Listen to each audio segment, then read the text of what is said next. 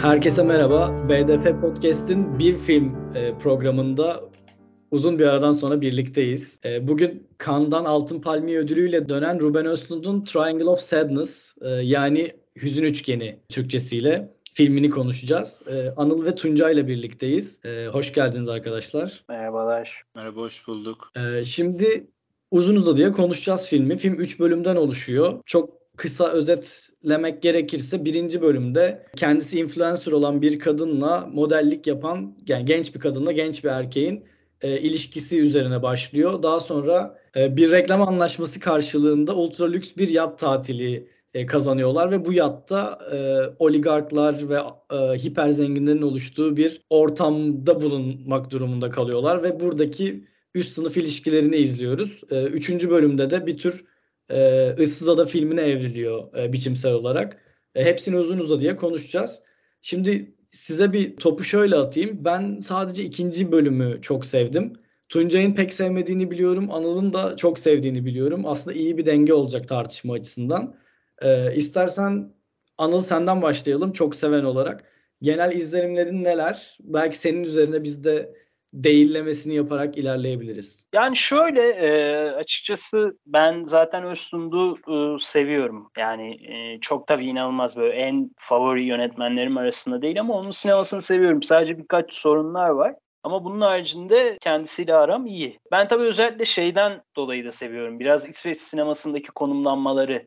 Yani onun, Roy Anderson'ın, o gibi isimlerin konumlanmasından dolayı. Çünkü İsveç sineması deyince aklımıza hep e, gelen isim Ingmar Bergman yani herkesin aklına gelen de o hep.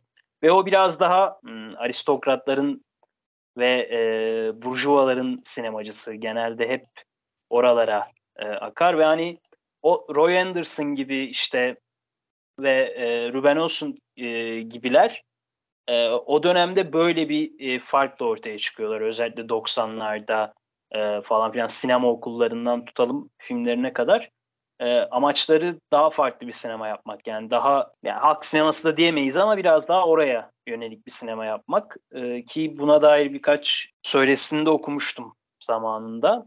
Tabii filme bakarsak şöyle aslında ilk bölümdeki bana göre denge muazzam. Yani oradaki iktidar ve e, buna dair eşelediği noktalar özellikle kadınla erkeğin diyaloglarında işte o restoran sahnesinde, restoran sahnesinden sonraki yüzleşmede yani bunun için bir kırılmanın gerektiği anlar çok iyiydi. Zaten ikinci bölüm ki asıl harikalık orada başlıyor. Yani bir Rus oligarkın ve e, sonradan dahil olan Woody Harrelson'ın bu ne diyelim işte komünist bir e, şey gemi kaptanı rolünde. İki tarafta harika. inanılmaz bir kontrast yaratıyor. Zaten hani o deniz tutulmasıyla herkesin kustuğu ve bir yandan da işte e, aristokrat geleneğin bozulmaması için kusanların arasında yemek yemeye çalışmalar, bir yandan Rus oligarkla Woody Harrelson'ın karakterinin arasındaki o aforizma yarıştırması. Ya o bölüm ben sürekli güldüm yani. yani salonda herkes kahkaha attı. Yani bir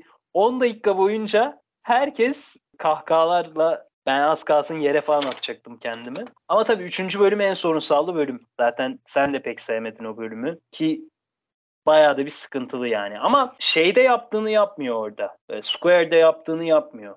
Yani Square'de direkt hem küçük burjuva ahlakını hem 21. yüzyıl modern sanatına dair ahlak anlayışını gömüyordu. Ama bir yandan da bunlar böyle ama proletaryada ve aynı zamanda göçmenler de böyle. Ya onlara da bir gözlerine parmak sokuyordu ve hani biz ne izledik şimdi gibi bir durum vardı yani orada en sıkıntı duyduğum nokta oydu herhalde. Ama burada yani tabii filmin sonu şeyde kalıyor. Yine bir ne oldu ne bitti anlamıyoruz. Yani orada o kadın hani ne yaptı. Ama yine bir iktidar ilişkisi kuruyor. Buradan da sınıfsal bir şey kuruyor. Ve yani işte en güçsüz, güçlü konumuna geldiğinde bunu nasıl kullanır? Ama bir yandan da onun içerisinde de bence bir komedi var ve hani onu da bir onunla da bir dalga geçme durumu var. Onu da pek ciddiye alamadım yani. O yüzden hani son bölüme dair sıkıntım biraz da ne demek istiyor? Yani buradaki yani yine e, her zaman yaptığı gibi işte e, proletarya da böyledir, böyle kaypaktır. Onun eline şu enstrümanı verirsin, şunu yapar, bu enstrümanı verirsin, bunu yapar gibi tarzı bir direkt bir fikri mi var? Yoksa kamerayı direkt Proletaryan'ın tarafına koyup onu mu haklı görüyor? Tam emin olamadım son bölüme dair. Ya zaten son bölümü herhalde ayrı bir başlıkta konuşuruz e, bu program içerisinde. Ben şimdi direkt oraya dair bir fikir söylemek istemiyorum. Tuncay'dan da genel olarak izlenimini alayım. Sonra belki bölüm bölüm eşeleye eşeleye gidebiliriz. E, Tuncay sen ne diyorsun izlenimlerin olarak? Ben filmi genel olarak dağınık buldum. Bu üç bölüm ayrı ayrı bir filmi oluşturuyor mu emin olamadım yani. Evet ben de ikinci bölümü beğendim mesela. Anıl'ın söylediği yerlerde bayağı güldüğüm oldu benim de. Üçüncü bölümde toparlayamıyor. Onun politikasını falan ayrı ayrı konuşuruz.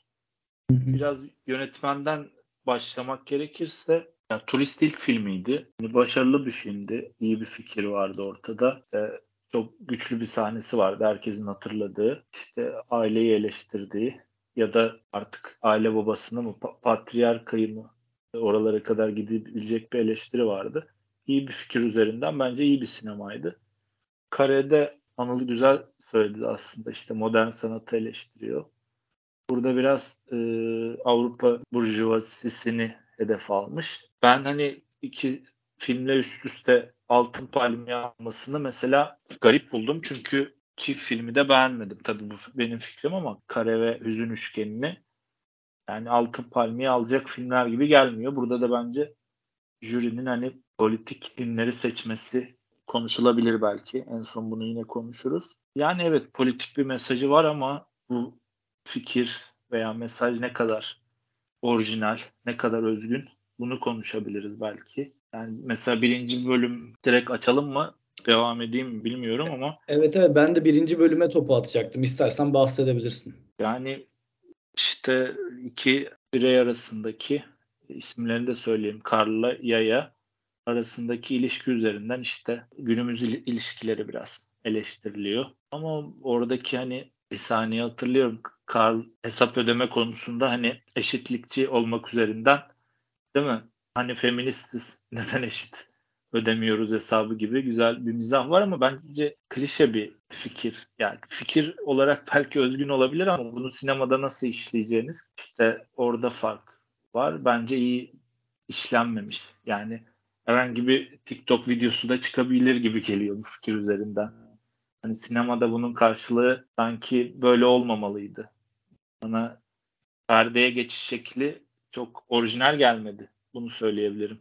Katılıyorum kesinlikle ben. Ee, ben de zaten birinci bölümü de çok sevmemiştim. Ee, şuradan ben de alayım. Kandaki bu politik film tercihi yani politik eğilim de vardır tabii de bana daha çok böyle biraz provokatif filmlere daha çok kan göz kırpıyor gibi geliyor. Özellikle ikinci e, bölümü tam ya kan jürisinin, seyircisinin aşina olduğu o provokasyona çok açık bir bölüm bence ikinci bölüm. Bu Anıl'ın az önce özetlediği işte bir şekilde lüks yatın alabora oluşundan itibaren o başlayan böyle gotik bir kusma işte ortalığın bok götürmesi hali. Yazısını yazmıştım orada da ondan bahsettim. Aslında hani hepimizin içinde olduğu geminin bok götürmesi hali. Burjuvazi ve aristokrasi e, tarafından. E, aslında kanın sevebileceği bir portreleme öyle söyleyeyim. Birinci bölüme dönersem de anına sözü vermeden kendi fikrim. Ya bence oradaki mizah yani çok çok yersiz uzatılmış. E, bunu zaten podcast'a başlamadan da konuşuyorduk. Ben daha da geriye giderek bu audition'dan, bu modellik seçmelerinden başlatayım. Oradaki işte Balenciaga, H&M ikilemini ben çok çok ucuz buldum. Yani çok hiç mimik oynamadığı, orada ne anla bir de her sahne inanılmaz uzun tutulmuş. Ya bunun şeyini anlayabiliyorum. Hani bir, bir tür hiciv metodu olarak bu sahneleri uzatarak böyle sakız gibi absürtleştirmeyi bir noktaya kadar anlıyorum ama bu bence onun da ötesindeydi. Özellikle o hesap tartışmasının restoranda başlayıp otele kadar uzanıp otelde dakikalarca devam etmesi ve sürekli aynı konu üzerinden. Yani biraz içerik olarak da yetersiz yazılmış gibi hissettirdi bana. Çünkü argümanlar da çok dönüşmüyordu. Sürekli ama sen böyle demiştin ama böyle olmuştu ama sen hesabı ödeyeceğini söylemiştin. Hani paran yoktu, paran çıkmadı. Yani uzadıkça uzayan diyaloglar vardı. Beni birazcık ikinci bölümü atlayana kadar acayip sıktığını söyleyebilirim. O yüzden hani iyi bir başlangıç değildi bence filmin açılışı olarak. Anıl sen ne düşünüyorsun? Özellikle birinci bölümde. Ben biraz sizden tam tersi bir noktadayım. Ben iyi bir gerginlik olduğunu düşünüyorum. Yani şimdi aralarındaki ilişki çünkü aslında tamamıyla bir şey, çıkar ilişkisi. Yani herhangi bir şekilde böyle hani duyguların hakim, yoğun olduğu işte elbette ki hani sexual tension falan filan mevzuları var ama aralarında iki karakterin ilişki duygusallıktan yoksun bir ilişki. Ve hani bir yerde oğlana dank ediyor ve onu uzatıyordu uzatıyor. Ki bu, bu gerginlik benim hoşuma gitti. Yani sürekli oraya temas edip sonunda çünkü e, kadından istediği cevabı da alıyor yani bir şekilde. E, gerçekliğin ne olduğuna dair, aralarındaki ilişkinin gerçekliğinin ne olduğuna dair bir cevap almayı başarıyor. Yani ve o süren gerginliği de sevdim ben açıkçası. Çünkü şey değil yani bunlar normal bizim hayatlarımızdaki ilişkiler değil. İki zengin insanın ve hani e, öyle bir sektör ki hani çoğu sektörün tersine kadının daha çok para kazandığı, erkeğin daha az para kazandığı bir sektör. Burası üzerinden bir kontrast kurup bu kontrast üzerine de e, gerginlikle beraber oynuyor. Ve bu e, oyunda klasik ve o basit hani işte o feminist bu feministten çok e, ilişkinin doğasının neyi belirlediği, ne üzerine belirlendiği. Çünkü bir kolektif bir yaşam vardır, bir çıkarlar üzerinden sürüklenen ilişkiler vardır. Ya bu günümüzde işte iş hayatındaki de şu da bu da network ilişkilerinden tutalım da işte ne bileyim yani görücü usulü evliliklerdeki çıkar ilişkisi. Mesela işte çok yakın zamanda izledim daha geçen gün. Bundan önce de konuşuyorduk. Ela ile İlmi ve Ali'de mesela kadın var. Bütün ailesini 99 depreminde kaybetmiş. Bir matematik öğretmeni var. O da karısını kaybetmiş. Kızın üniversiteye hazırlanıyor. Bu matematik öğretmeni bunları evlendiriyorlar. Ve oradan bu ilişkiye dair sürekli bir iktidar oyunları var. Bu iktidar oyunları üzerine ilerliyor. Burası da biraz öyle geldi bana. Bu yüzden ilgimi çekti yani ki film boyunca hani sürekli bir iktidar e, ilişkisi özellikle birinci ve üçüncü bölüm bunun üzerine. Mesela üçüncü bölüme kıyasla burada daha incelikli bir ton var. Tabii ki bize uzak geliyor çünkü çok daha farklı ve yani şey de değil yani materyal bir zenginlikten de bahsetmiyoruz çünkü. Yani ne bir e, rantiye sektörünün zenginliği ne bir işte üretim ilişkilerini koruyan bir kişinin bir patronun zenginliği var ortada. Tamamıyla insanı metalaştıran ve bunun üzerine ilerleyen bir dünyanın zenginliği ve buna dair bir ilişkilenme biçimine dair ortaya iyi bir tension da koyarak bir farklılık sunmaya çalışıyor. Bu da hoşuma gitti yani. Hikayeyi buradan kurup sonra kuruyuza doğru gittiğimiz bu e, büyük yata doğru gittiğimiz tempo iyi zaten. Yani mesela ben hep tabii geçeceğiz ama filmden çıkınca da şeyi düşündüm. Yani gemide devam etsek veya işte o gemiye bir şey olsa o an bütün o şey kaos hali işte şey gibi böyle çünkü bir nevi de aslında kapitalist bir şeyin çöküşü gibi yani bütün o işte bokun ortaya fırladığı e, biraz şeyden kur, kurmuşumdur hep işte bütün kapitalist sistemler işte çökerken işte yerine başka bir şey konulurken büyük savaşlar büyük şeyler ortaya çıkarken e, sözde sosyalist rejimlerin hepsi tek bir insan ölmeden düştü neredeyse. Büyük bir çözülmeyle. Biraz bütün o kavramsal okumalarla, karşıtlıklarla bakınca falan o ilk bölümle ikinci bölümün ilerleyişi bana çok şey geldi böyle. Güzel bir tempo ve fena olmayan da bir komedi var yine. Ama o şey değil yani. Bence siz şey diyorsunuz hani o ilk kısımdaki çok uzuyor falan. Ama bence onu e, o sahne şey de olabilir yani. Yazıl, yazılmamış bile olabilir yani. O kişiye orada onları e, audition hazırlayan kişinin kendi şey performansı bile olabilir. Ya bana öyle gelmişti mesela. Ama tabii beğenilmeye de bilir. Çok itici gelen bir bölümde olabilir. O da çok normal. Ya bence birinci bölümdeki mevzunun bu kadar uzamasının sebebi aslında 1 ile 3 bağlantılı. İkinci bölümde e, bu çiftin etkinliği azalıyor. Zaten biraz geri plana çekiliyorlar ve biz orada bambaşka bir şey daha böyle etnografik bir gözle o zenginlerin yaşamını izliyoruz. E, ben öyle okumuştum. 1 ile 3'ün bağlantısı şuradan geliyor. Herhalde bu yüzden bu kadar uzun tutuldu. Çünkü 3. bölümde de o çıkar ilişkisinin bir devamı var. Yani işte o erkeğin kendisine gece kalacak yer vermesi karşılığında aslında o iktidarı ele geçiren işte Asyalı aslında tuvalet temizliği yapan işçi kadının e, tamamen doğayla bütünleşik e, yetenekleri sebebiyle iktidarı ele geçirmesi ve bunu bir manipülasyon aracına dönüştürerek o e, işte Carla'nın bir şekilde bir çeşit o kad, e, Asyalı kadının seks kölesi haline gelişi yani o tamamen çıkarları sebebiyle kendi sevgilisini bile orada satması e, tırnak içinde vesaire muhtemelen bunun altyapısını birinci bölümde hazırlıyor. İşte bu ilişki aslında çok kırılgan bir zemin üzerinde duruyor. Yani bir çıkar ilişkisi üzerine kuruyor. Bir performans, bir görüntü dünyası üzerine kuruluyor. Yu vermeye çalıştı muhtemelen ki bence çok ab- yani anladık hani seyirciye e, anladık biz bunu çok kısa bir sürede. Ben öyle hissettim. Bu kadar da aptal Hiç- muamelesi yapılmaya gerek yok gibi hissettim. Şöyle diyebilir miyiz peki? Yani aslında şey bir okumaya bakarsak. Bir yanda yeni tarz bir zenginlik. Mesela ben çok bağını kopartmıyorum e, Cruise bölümüyle yani ikinci gemi bölümüyle. Konservatif zenginlikle yeni tarz zenginlik bir araya geliyor.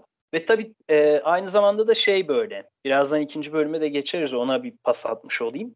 Bir yandan da Avrupa'nın ve aynı zamanda da sürekli işte Doğu bloğuna, Sovyetlere, işte real sosyalizmin sadece ve sadece e, kötü yanlarına bulunan atıfı ve aynı zamanda onlar çözülürken o ülkelerin geldiği halin hiç bahsedilmeyişin şeyine dair de bir bölüm aslında bir nevi.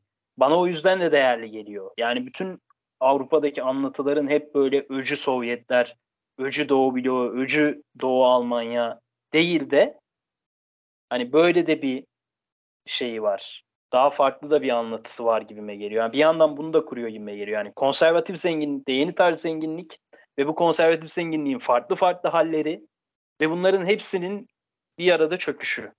Böyle bitirse çok güzel olabilirmiş gerçekten. Ya aklıma gelince üzülüyorum. Ya evet. Bu Çünkü ben- şey şeye ba- son bölümü de şeye bağlıyor gibi bitirebiliriz çünkü. Kapitalizm öncesi şey komün vardır ya neydi onun adı? İlk tarımsal topluma geçişteki komün hali vardır yani o Marx'ın şeylerinde de falan. Bir, bir nevi onun gibi ya o da. Bir anda en başa dönüş gibi böyle. E, Evet evet ben de öyle görmüştüm. Bir doğal duruma dönüş. E, Tuncay'a şimdi sözü vermeden önce şeye küçük bir itiraz edeceğim sadece. Bu bence e, bu iki çift karakterimiz ya Karla ve Yayın ben zengin olduğunu da düşünmüyorum bu arada. Zaten hesap öderken e, Yaya'nın kartı mı geçmiyordu? Öyle bir, bir durum vardı. Onların zaten o kadar varlıklı olmadığı hatta bu e, lüks e, yat tatilini de bir reklam anlaşması karşılığında aldığını. Yani onların zaten sınıfsal olarak orada bir ayrıksı konumları var. Oraya zaten oturmuyorlar. O, o yüzden de böyle bir tık gözlemleyici e, pozisyonuna çekiliyorlar. Zaten film de orada bir anlatı değiştiriyor. Sonra tekrar geri geliyoruz. Vesaire. Öyle ben bize göre daha zenginler diye. Yani bize göre muhtemelen. Ama yine de onlar da böyle daha acınası bir e, tabii, konumda tabii. duruyor. Bu 1 ve 3'ü birlikte değerlendirdiğimizde en azından. Tuncay sen ne dersin bu tartışmaya dair? Ya hem katılıyorum bazı söylediklerinize ama katılmıyorum. E şimdi e, dağınık bulmamın sebebi de bu bölümler arasındaki bağın zayıf olmasıydı. Mesela güzel açıkladı aslında Anıl. Birinci bölümün biraz e, amacını veya mesajını kadın ve erkeğin doğası tartışılıyor değil mi? Üçüncü bölüme geldiğimizde film bununla ilgili ne söylüyor ben tam olarak anlayamadım mesela. Evet e, ataerkil toplum yerine bir e, anaerkil toplum kuruluyor orada. Ya o kadar saçmalanmış ki 3. bölümde hani ya Recep İvedik komedisi hani bir kaba güldürüye kadar gidiyor bazı e, sahneler. Bilmiyorum ne dersiniz ama hani Yavda Adada bir film yapmıştı. Çok kaba bir güldürü. Hani finalini de çok sorunlu buldum. Belki bir fikir var. Finale gelmeden önce şeyi söyleyeyim. İkinci bölümle ilgili. E, ya mesela şey var. Bir tane çift var. Almanlar mıydı hatırlamıyorum. İngilizlerdi. Pardon. E, el bombası üretiyorlar. Şimdi bu çift ve oradaki mizah filme tam olarak ne katıyor? Eğer birinci bölümdeki bizim ana fikrimiz e, kadın ve erkeğin doğasını tartışmaksa yani sadece zenginleri çok basit bir şekilde eleştiren bir bölümdü. Onun haricinde e, Anıl e, söylemişti zaten. E, bu kaptanla Doğu Avrupalı Rus veya Rus oligarkın arasındaki çatışma orada film yükseliyor zaten. Onun haricinde yani birbirleriyle çok tematik anlamda veya politik fikir anlamında bağ kuramamış bölümler gibi geldi bana. Ya bu el bombası üreten çiftin olayı galiba sadece bu korsanlar tarafından el bombasıyla saldırıya uğrayınca Evet. yani orada anlam kazanıyor sadece. Ama bir yandan şu mantıklı zaten Ama hani işte dediğim gibi çok kaba bir güldürü yani bu değil mi? Ama şey de diyebiliriz yani. Ee, basit de diyebiliriz. Küçük Nasıl? bir kelime ama. Yani basit aslında. Yani hani Tuncay Kaba diyor ya hani bir yandan da basit. Yani bana bazen hani bu basitliği bilerek yapmış gibi geldi yani. Baz- belirli şeylerde çok basit kalmak istemiş. Hani daha ötesinin daha karmaşıklığına gitmek istemiyor yani. Bunlar ne? Bunlar el bombası üretiyor. Tamam. Ee, ve şeyler yani saçma sapan kırsalda yaşayan iki tane İngiliz. E bunlar da böyle ölüyor. Farazi. Ya bu filmin meselesini de biraz basitleştirmez mi? Bilemedim yani. Bir eğer Ama işte- büyük bir derdi varsa. Anlıyorum Bazı yerlerde çok kendini ciddiye almak istemiyormuş gibi geldi yani o yüzden. Yani yani yola evet, çıkarken hani- kesinlikle katılıyorum. Ee, Bu Çünkü- biraz yönetmenin tarzı gibi. evet Ciddiyetsiz bir adam olduğu kesin. ö- öyle Bu durumda aynen. biz nasıl kendi film kendi filmini Ben nasıl şey o- ciddiye alacağız? Benim Ama şöyle yani bak ben şey şey çok hoşuma gidiyor. Kanda mesela normalde kan çok noble bir şey ya böyle. Hani e, neydi onun adı? Severim de bu Evet. arada Noble'ı. Yani no, Noble Noble filmin kendisini severim. Böyle öyle filmleri de çok seviyorum. Ama mesela Kan'ın kendisi böyle çok aristokrat ve noble ya böyle hani. Mesela çıkıp böyle seviniyor olması benim hoşuma gidiyor. Yani Nuri Bilge Ceylan'ın çıkıp böyle poz vermesindense çıkıp kazandım buydu yani. Bütün hayatta 30 yıldır atıyorum bunun için çabalıyorum. Böyle sevineceğim ya. Ben, ben de öyle sevinirdim mesela. Yani bu şeyi e, bazen hoşuma da gidiyor yani garip bir şekilde. Bu arada ikinci bölüm biraz daha açalım mı Burak? A- evet evet açalım bence. Yani benim oraya dair en sevdiğim şey şu galiba. Aslında biraz eski meselelere de dönüyor. Ee, çünkü şey var işte bir yanda işte Tuncay'ın bahsettiği bu e, şeyler var işte el bombacı iki yaşlı İngiliz. Bir yanda Rus oligark. Öteki yanda şey var bu Amerikalı galiba inanılmaz param var diyor ya işte bu fotoğraf çektiriyor falan. Benim bok gibi param var diyor falan öyle. Aynen. Bir yanda o var. Ya hepsi aslında şey yani bir nevi şey gibi böyle. Ben öyle hissettim. Temsil ve kimlik dersi gibi böyle. Hani ama bir yandan da çok eğlenceli. Yani ve bunu e, çoğunlukla katan da böyle, yani Wood- Woody Harrelson gerçekten inanılmaz bir karakter yani başlı başına. Yani bunun için sırf bu olduğu için işte şey e, hani hangi güne yapalım diyor yani bir şey e, bu kaptanın yemeğini mevzusu. Yani orada da o günü seçiyor ısrarla ve bilerek. Ve ya benim o çok hoşuma gitti ya. ya. Ben bunun bu basitlikle sunulmasını da çok güzel buluyorum. Yani bu kadar kompleks karmaşık yapmaya bazı şeylere ihtiyaç var mı? Bütün farklı şeyden zenginleri bir araya topluyorsun ve hepsi ço- çoğu da bu arada aristokrat gelenekten de gelmiyor ama kaptanın yemeği aristokrat bir gelenek. Ve hepsi buna özel giyinip geliyorlar.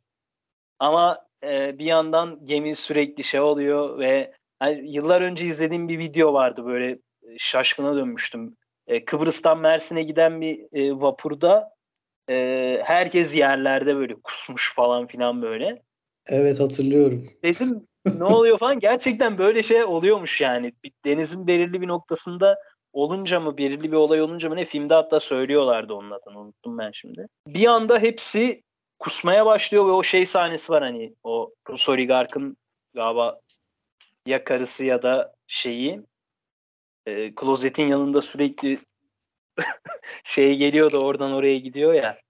Ya ben orada şeyden emin olamadım. Sürekli bu e, yelkenlilerin tozuna takık bir kadın var ya o aynı kadın mıydı acaba tuvalette Yok, sürüklenen? aynı Hani- değil. O başka. O da büyük O ihtimal İskandinav biri. O, o büyük ihtimal İskandinav biri. O, o farklı. Hatta bir tek o sahnede var galiba.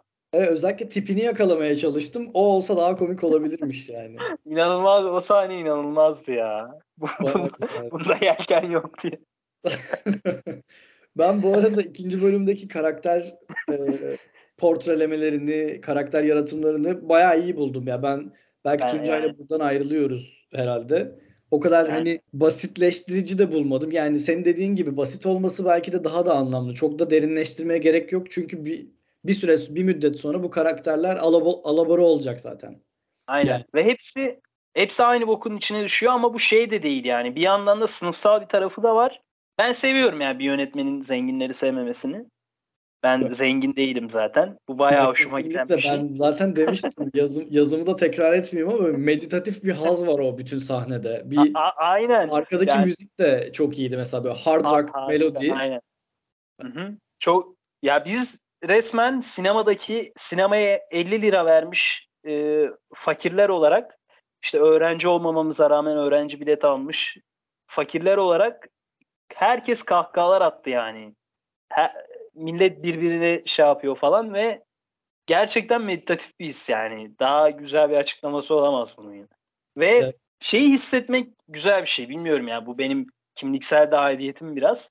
Bir yandan Sovyetlerin Sovyetlerden çıkan bir oligarkla bir komünistin orada baş başa verip bu gemiyi alabora etmeleri, boktanlığın içine düşürmeleri harika. Normalde ba- başka bir bağlamda böyle random bir şekilde işte aforizmalar birbirlerine aforizma savuran yani işte Ronald Reagan'dan da var, Margaret Thatcher'dan da var, Lenin'den, Marx'tan akıl almayacak yerlerden referanslar yağıyor bir anda.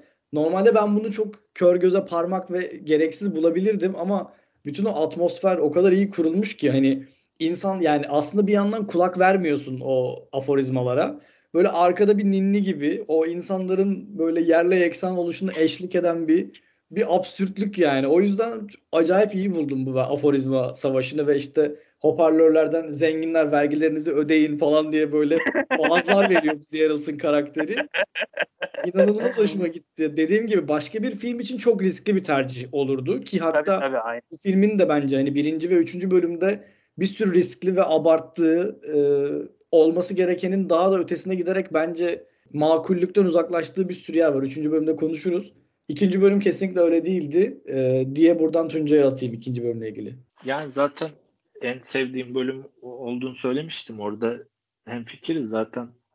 Anıl ikinci bölümde keşke bitse diyor ya hani geminin battığı yerde bitse belki daha güzel bir final olabilirmiş.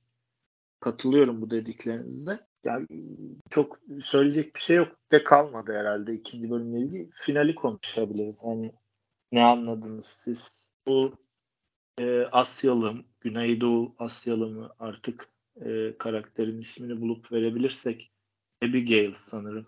Abigail. aynen. E, liderliği ele geçirdikten sonra işte orada bir Karl'la artık bir ilişkiye başlıyorlar. Buradan bir mizah yapılmış, bir eleştiri yapılmış da fi- filmin sonunda şunu anladım ben. Bilmiyorum siz ne anladınız onu konuşabiliriz. Hani e, fakirsen fakir kalırsın.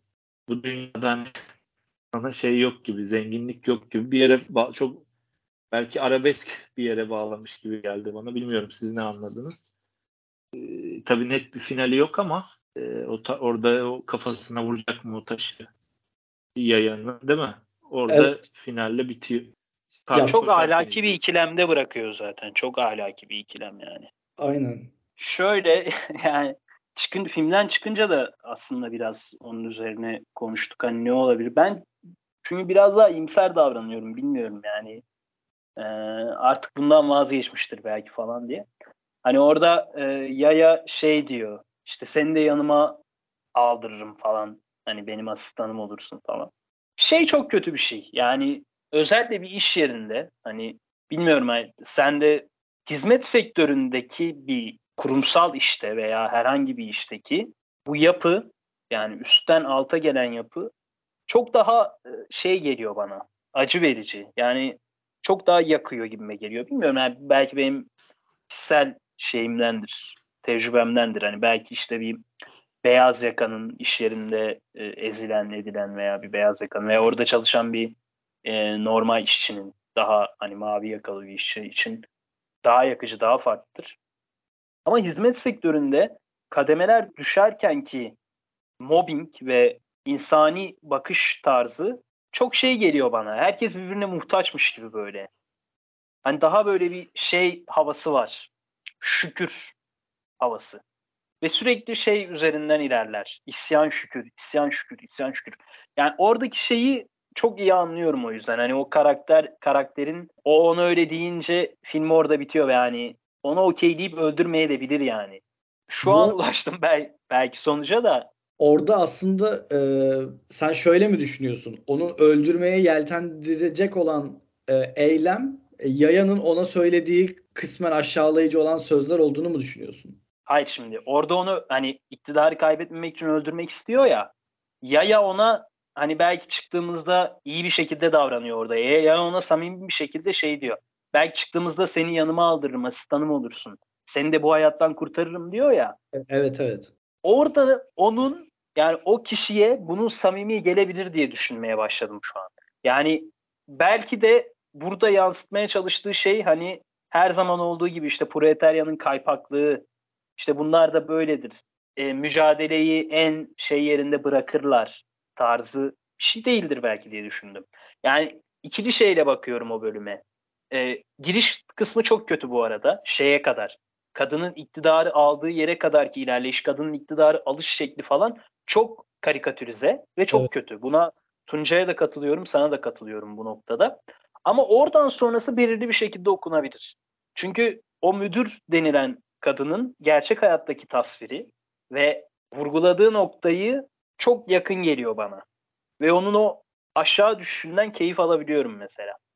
Ee, ve dediğim gibi o konservatif e, kapitalist sonrasında işte yeni zengin olma adayları diyelim. Daha farklı bir sermaye ile kazananların hep birlikte ilkel komünel toplama geçişi. Yani böyle kurgulamış kafada ama işte o dediğim gibi sondaki belirli sorular işte o ilişkilerin bir, tamama erişinceki hali dışındaki kısım çok şey geliyor bana da. Kötü geliyor. Ya üçüncü bölümde genel olarak şöyle hissettim ben. Eline kitabı almış böyle işte yani ko- komünist manifestoyu ya da yani şey abartıyorum. Bu bildiğimiz eski e, tip işte bu Marx'ın bu aşamalı tarih anlayışını sanki oturmuş onun işte bir şekilde kapitalist evredeydik ikinci aşamada ikinci bölümde e, filmin pardon. Daha sonra bir şekilde bu yıkıldı. E, ilkel yani komünel topluma geçtik. Ama daha da öncesine dönmüş gibi bir halde. İşte bütün sermaye ilişkileri yok olmuş. iktidar ilişkileri yeniden düzenlenmiş. Hatta işte hiyerarşiler tamamen ortadan kalkmış. Ya da ters düz edilmiş. İşte batılı beyazın yerine işte Asyalı kadın e, işçi iktidar devralmış. Ve bu işte orada da eski usul bildiğimiz ilişki biçimlerinin ya da işte metaların değerlerinin vesaire artık aşina olduğumuz şekilde işlemediğini gösteren sahneler var böyle. İşte bu şey ben ona takılmıştım. Rus oligark Rolex'ini teklif ediyor ya kadına. Yani normal bir bağlamda buna ya bu adam böyle eğitilmiş, bunu yapabilir diye geçiştirebiliriz ama ben bunu filmin içine böyle yerleştirildiğinde çok kaba buldum. Yani hiç inceltilmemiş.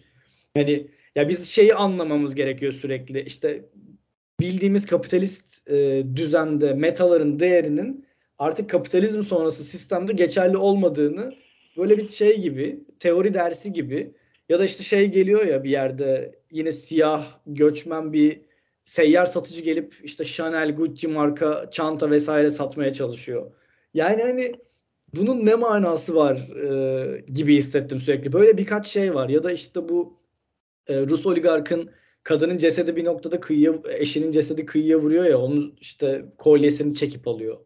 Yani bu bana böyle üst üste binince çok fazla geldi bütün bunlar. Hani çok kitabi işte belli başlı şeyleri gözümüze sokmaya çalışan e, tekrar dediğim gibi ve bence şey problemli yani işte hani Carla'nın bir şekilde seks kölesine dönüştürülmesi de proletarya iktidarı bağlamında bence çok anlamlı gelmedi bana açık söyleyeyim yani.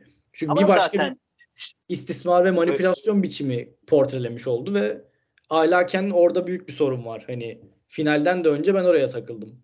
zaten hani şeyi e, hedeflemiyor orada. Yani benim dediğim hani ilkel kom şimdi ilkel komünel toplum böyledir zaten ama. Hani onu diyorum yani. Kö, kö yani vardır yani bunların hepsi. Hani şey gibi ama bunların hepsi var. Yani zaten o biraz paylaşımdaki şeyle alakalı. Ama o vardır yani.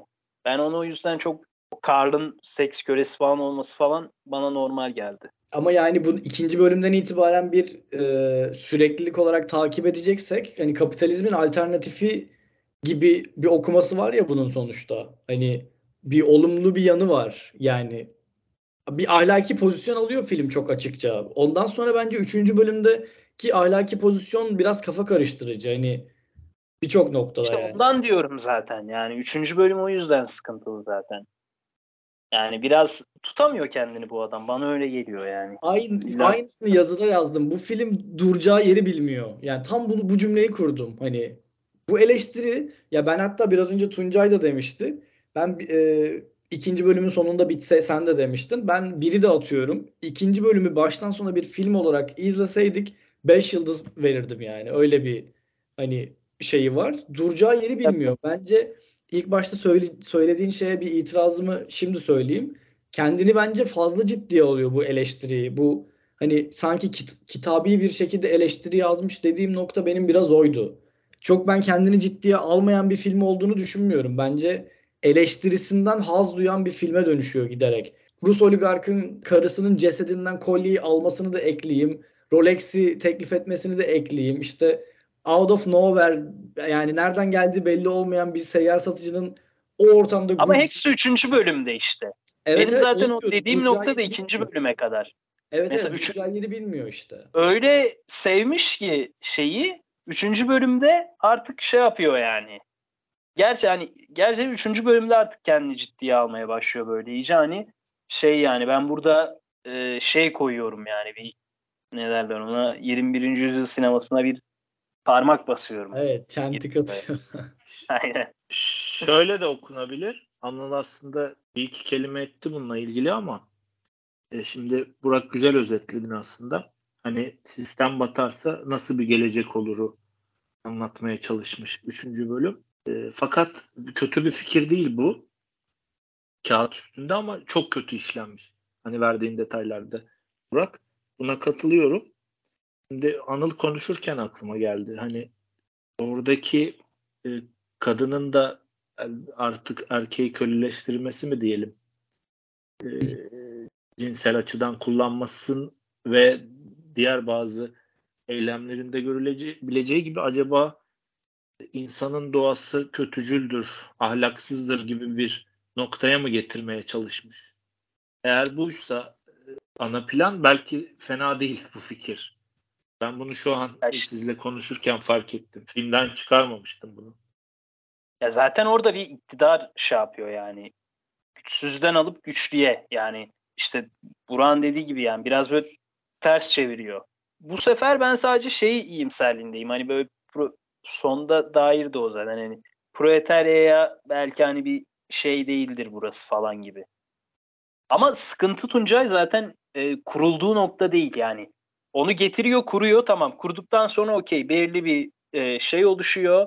İşte erkek zaten seks işçiliğinden bahsedemeyiz. Ortada bir şey yok. Ne derler ona? Parasal bir sosyoekonomik bir şey yok. Adam yat uyuyor orada ve yemek yiyebiliyor sadece. O yüzden biraz kölesel bir durum. Ama oraya getirmesi yani oraya gelirken bunlar ilk başta adaya düştükten oraya gelene kadar nokta. Ya bu da yaklaşık bir filmin 15-20 dakikası falan yani. Ve oraya gelene kadar olan nokta sıkıntılı. Yani oraya getirirken kullandığı şeyler, line'lar ne bileyim yani işte denize gidiyor balık çıkartıyor geliyor falan yani.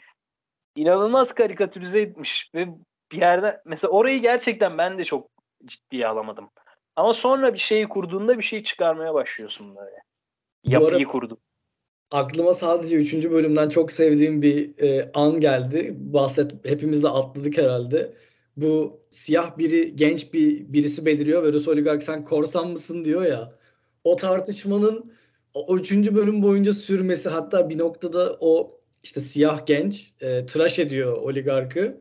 İşte sen hala korsan mısın gerçekten söyle bu işten kaç para kaldırıyorsun falan muhabbeti yapıyorlar ya.